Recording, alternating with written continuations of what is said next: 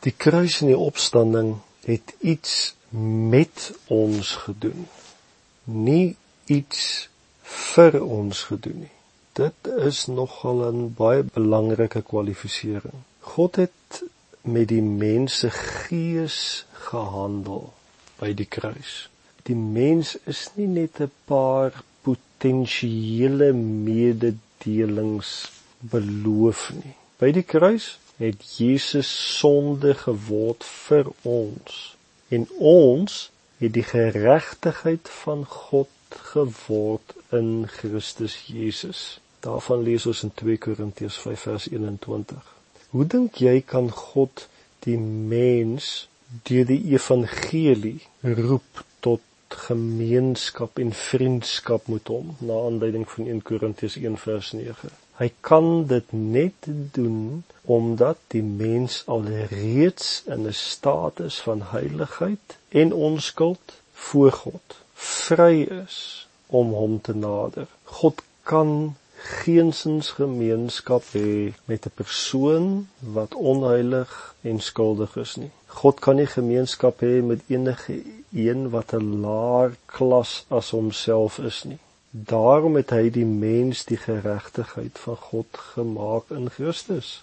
Maar hoor nou baie mooi, die feit dat ons die geregtigheid van God in Christus is, beteken nie dat ons daarom op pad hemel toe is nie. Die mens is steeds hier op aarde want God verwag dat die mens sal wees wat hy hom gemaak het om te wees. God verwag dat die mens sigself sal sien en aanvaar as die geregtigheid van God en dan om te draai na sy Skepper toe.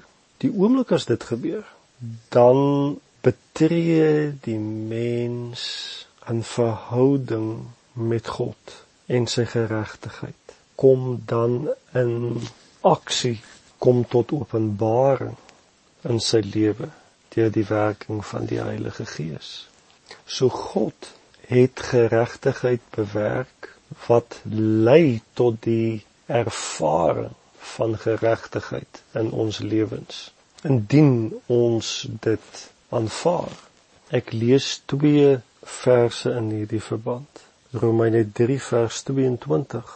Die geregtigheid, naamlik van God deur die geloof in Jesus Christus vir almal en oor almal wat glo, want daar is geen onderskeid nie. Romeine 5 vers 18 sê: Daarom dan, net soos dit deur een misdaad vir alle mense tot veroordeling gekom het, so ook is dit deur een daad van geregtigheid vir alle mense tot regverdigmaking van die lewe. As ons die verlossingsstorie deur die geskiedenis aanskou, dan kom ons tot die besef dat in die Ou Testament was die mens nie in 'n toestand om in 'n verhouding met God te tree nie.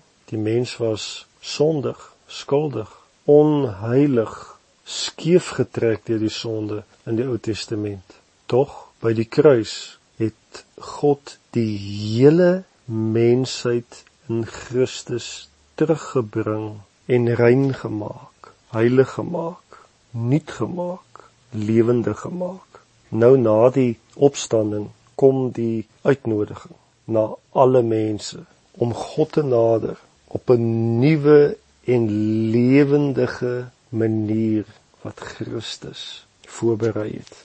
Hoe is dit dan moontlik vra jy? Dat hierdie onheilige mense wat voor die kruis geleef het nou skielik aanvaarbaar is na die kruis en die opstanding. En dat hulle almal uitgenooi word om God te nader om sy teenwoordigheid te geniet. Dit is baie baie duidelik dat iets spesifiek moes gebeur het met die mens by die kruis wat die mens aanvaarbaar vir God gemaak het na die kruis. Efesiërs 1:6 sê tot lof van die heerlikheid van sy genade waarmee hy ons begenadig het in die geliefde met 'n hoofletter geliefde